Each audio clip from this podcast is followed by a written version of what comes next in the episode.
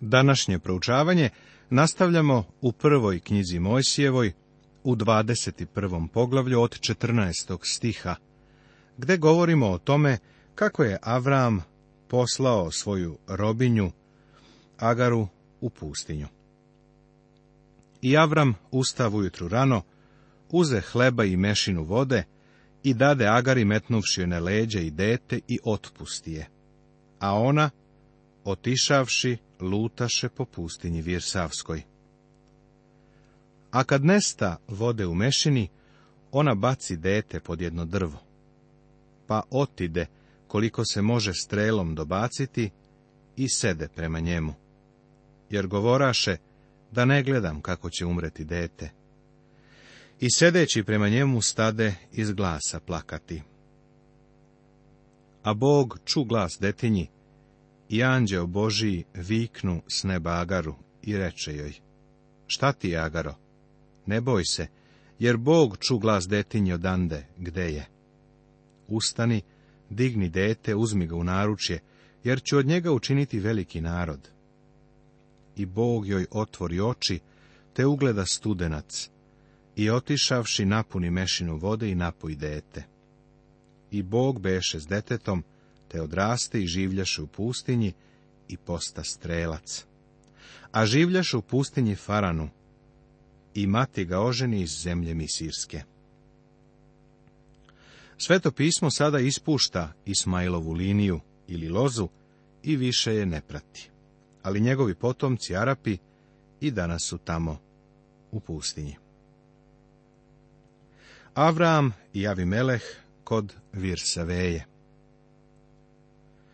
Tako uhvatiše veru na Virsaveji. Diže se tada Avimeleh i Fihol vojvoda njegov i vratiše se u zemlju Filistejsku. A Avram posadi lug na Virsaveji i onde prizva ime gospoda Boga večnoga. Avram priziva ime gospodnje gde god da ide. I Avram življaše kao došljak u zemlji Filistejskoj, mnogo vremena. Kasnije nam je kazano da Javram Avram uvek bio stranac i putnik u zemlji koju mu je Bog obećao, a ovo je dokaz toga. Poglavlje 22. U ovom poglavlju došli smo do još jedne od najznačajnijih tačaka u Svetom pismu. U ovom poglavlju postanja hodamo po planinskim vrhovima. Poglavlje 22. je izveštaj o Avramovom prinošenju sina na žrtvu. Bog mu je zapovedio da žrtvuje Isaka na oltar, a zatim ga je u posljednjem trenutku sprečio, kada je video da je Avram spreman da to i uradi. Ovo poglavlje u sebi nosi sedmo i posljednje Božije javljanje Avramu. Posle ovoga nije bilo ničega što bi Bog tražio od Avrama da učini. Ovo je najviši test na koji je izveo ovoga čoveka. Ako bi trebalo da imenuješ deset najvećih poglavlja Svetog pisma, uvek bi u njih uključio i postanje 22. Jedan od razloga za to jeste i što se ovde prvi put spominje ljudska žrtva. Boži plan i cilj jeste da čoveku jasno pokaže da je ljudska žrtva pogrešna. Ovaj događaj to otkriva. On također otkriva da Bog zahteva da se da život da bi on mogao da spase grešnike među ljudskim potomcima nema nekoga ko bi bio vredan da zauzme to mesto. Boži sin je bio jedini vredan toga. Zanimljivo je da Pavle kaže, Bog nije poštedeo ni svoga sina. Ovde možeš dodati da jeste poštedeo Avramovog sina i nije dozvolio Avramu da žrtvuje Isaka. Ovo poglavlje se upoređuje sa psalmom 22. i 53. poglavljem knjige Isaije. Kada sam prvi put u ovom poglavlju video ove velike istine, koje oslikavaju Hristov krst, ostao sam bez daha. Ne samo u Isakovom rođenju, nego i u žrtvovanju Isaka postoji neobična sličnost sa životom našega gospoda. Vrlo je zanimljivo ono što Jakov izjavljuje u vezi sa ovim događajem, a što može da deluje kontradiktorno ostalim delovima Biblije.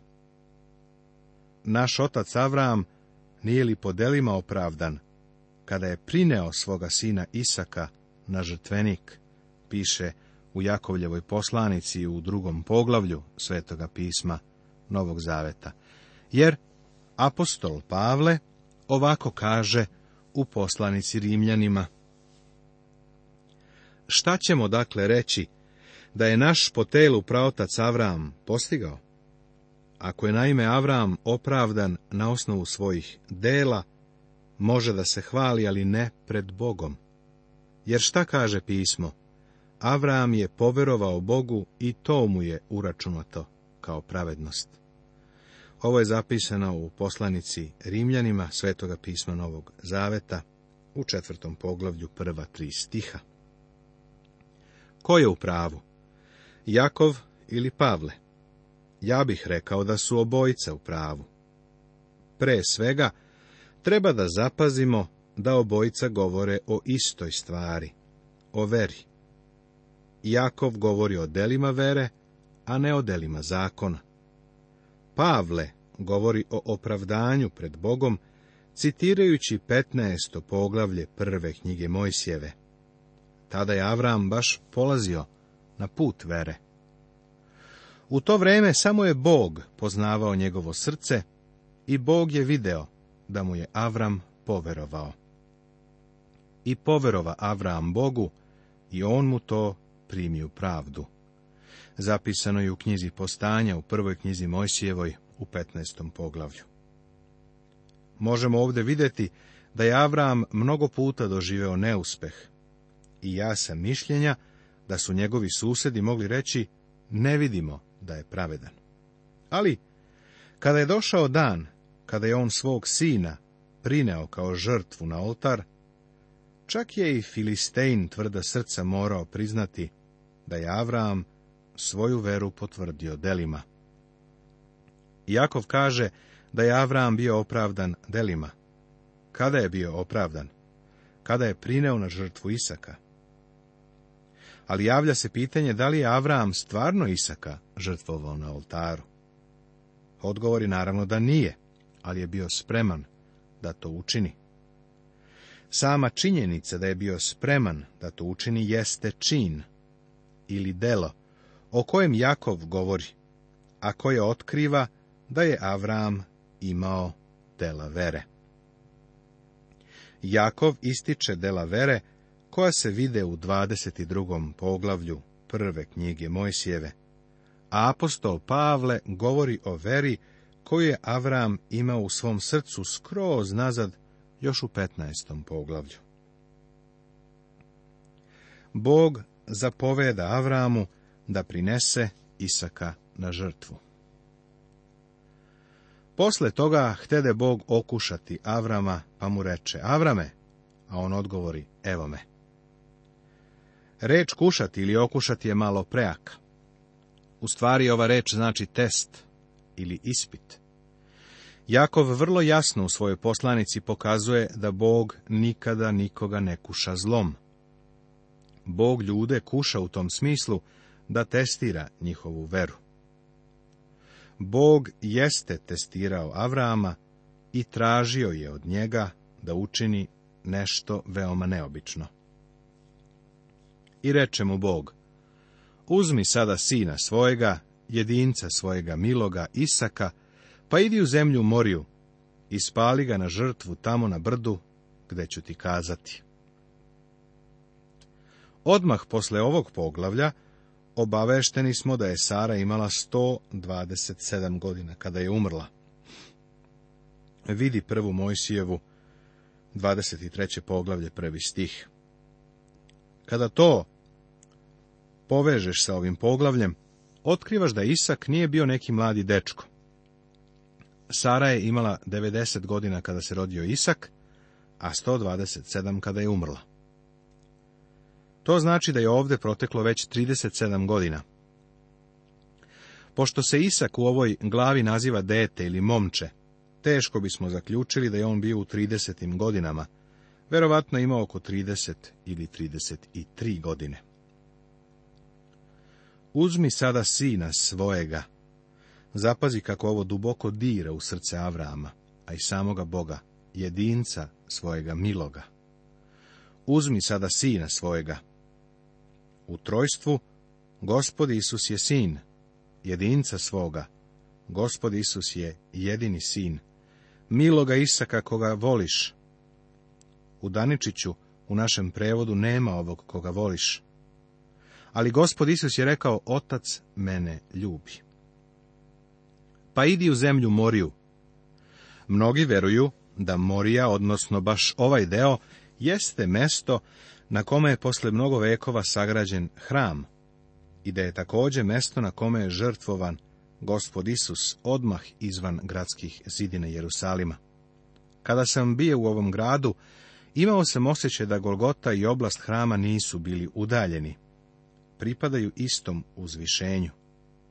Tuda je prošla ulica, a uzvišenje je prokopano, ali je to isto uzvišenje i zove se Morija. Nećemo reći da je gospod Isus umro baš na istom mestu. Ne znamo to, ali je sigurno umro na tom uzvišenju, na tom brdu, na istom brdu na kome je Avram prineo Isaka na žrtvu. Ispali ga na žrtvu tamo na brdu gde ću ti kazati. Žrtva paljenica postojala je sve do Mojsijevog zakona. Onda su date žrtva za greh i žrtva za prestup. Ova žrtva paljenica govori o Hristu, o tome ko je on. Ovo je ljudska žrtva i iskreno govoreći ona pokreće sljedeće moralno pitanje. Da li je pogrešna ljudska žrtva? Da, moralno je pogrešna. Da si sreo Avrama tog dana, kada je bio na putu sa Isakom, mogao si da ga pitaš, kuda si krenuo, Avrame? A on bi ti odgovorio, da prinesem Isaka na žrtvu. A ti bi ga onda zapitao, zar ne znaš da je to pogrešno?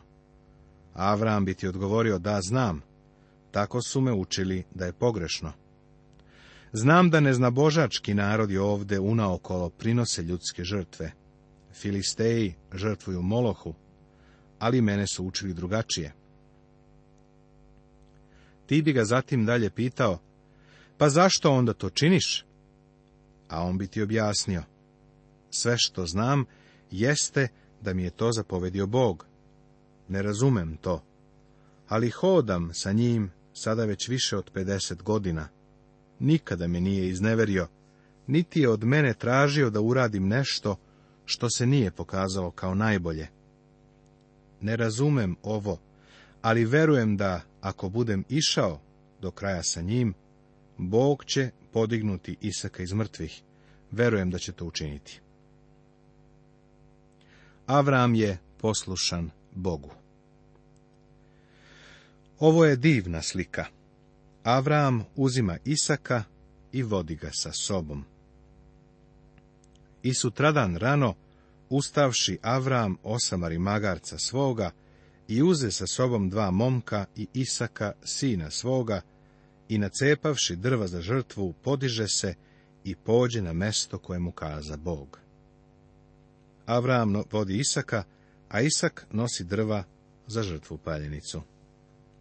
Treći dan, podigavši oči svoje, Avram ugleda mesto iz daleka. Avramu su bila potrebna tri dana da stigne do gore. Seti se da je Avram trećeg dana dobio živog Isaka, da ga je dobio iz mrtvih, gde je on bio. Tako je na to Avram gledao. Isak mu je podignut iz mrtvih trećeg dana.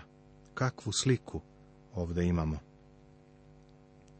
I reče Avram momcima svojim, ostanite vi ovde s magarcem, a ja i dete idemo onamo, pa kad se pomolimo Bogu, vratit ćemo se k vama.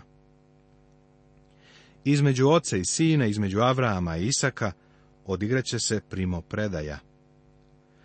U stvari, Bog je čoveka isključio sa krsta. U vreme podnevne tame čovek je bio isključen. Došla je noć, kada niko nije mogao da radi, i u toku ta tri posljednja sata, taj krst je postao oltar, na kome je jagnje Božije, koje je na sebe uzelo grehe sveta, bilo žrtvovano. Na tom krstu je odigrana primopredaja između oca i sina. Čovjek je bio izvan toga i uopšte u tome nije učestvovao. Istu sliku imamo i ovde. Avram i Isak su sami. I uzevši Avram drva za žrtvu, naprati Isaku, sinu svojemu, a sam uze u svoje ruke ognja i nož pa otidoše obojica zajedno. I uzevši Avram drva, naprti u sinu svojemu. Seti se da je Hristos nosio svoj krst. Vatra govori o sudu, a nož o izvršenju presude i žrtvovanju. Tada reče Isak Avramu ocu svojemu, oče, a on reče, šta sine? I reče Isak, eto ognja i drva, a gde je jagnje za žrtvu? A Avram odgovori, Bog će se, sinko, postarati za jagnje, sebi na žrtvu. I iđahu obojica zajedno. Stih 13. nam govori da se kratko posle ovoga pojavio ovan, koji se rogovima zapleo u šipražje. Avram je uzeo ovna i žrtvovao ga. Avram ovde kaže da će se gospod postarati za jagnje, ali tu nije bilo jagnjeta, bio je ovan, i neka razlika tu postoji. Jagnjeta nije bilo sve do mnogo vekova kasnije, kada ga je Jovan Krstitelj obeležio i prepoznao, rekao je, evo jagnje Božije, koje uklanja greh sveta. Evanđelje po Jovanu, prvo poglavlje Svetog pisma Novog Zaveta. Bog će se postarati, sinko, za jagnje, sebi na žrtvu. Veoma je važno da uvidimo da Avram ovo govori proročki. Avram je sada spreman da svog sina položi na oltar, iako to baš ne razume sasvim. A kad dođaše na mesto koje mu Bog kaza, Avram načini onde žrtvenik i metnu drva na nj i svezavši Isaka, sina svojega, metnu ga na žrtvenik vrh drva. Isak nije neki maleni dečak koga je Avram morao da veže. Isak je odrastao čovek, Verujem da je Isak mogao da savlada Avrama, da su imali fizički sukob. Ali Isak ovo radi u poslušnosti. Gospod Isus je otišao na krst govoreći, ne moja volja, nego tvoja neka bude. Otišao je na krst da ispuni volju Božiju. Kakvu sliku ovde imamo? I izmahnu Avram rukom svojom i uze nož, da zakolje sina svoga. U ovom momentu mogli smo mu reći, Avrame, hoćeš li to da uradiš? Kao da izgleda da će ti Bog to dopustiti. A on bi uzvratio, sigurno hoću. Naučili su me da je ovo pogrešno, ne razumem to, ali sam naučio da budem poslušan Bogu. Ovo je prava kriza u Avramovom životu. Bog je ovog čoveka proveo kroz četiri vrlo određene krize. Svaka od njih je bila prava vežba za njegovu dušu, stvarni napor za njegovo srce. Pre svega, bio je pozvan da napusti svu rodbinu u Uru Haldejskom. Morao je da napusti tu celu grupu. Za Avrama je to bio pravi ispit. Na početku to nije sasvim dobro uradio, ali ipak na kraju došlo je do odvajanja. Zatim je tu bio test sa Lotom, njegovim sinovcem. Avram je voleo Lota, da nije, ne bi ga ni vodio sa sobom. Ali došlo je vreme kad su morali da se razdvoje. Lot je tada otišao dole u Sodom. Zatim je naišao test s njegovim i Agarinim sinom Ismailom. Avram je vapio pred Bogom. Neka živi Ismailo pred tobom. Voleo je tog dečaka i mrzeo da se razdvoji od njega. I sada Avram dolazi do najvišeg testa, do četvrte velike krize u svom životu. Od njega se traži da se odrekne Isaka.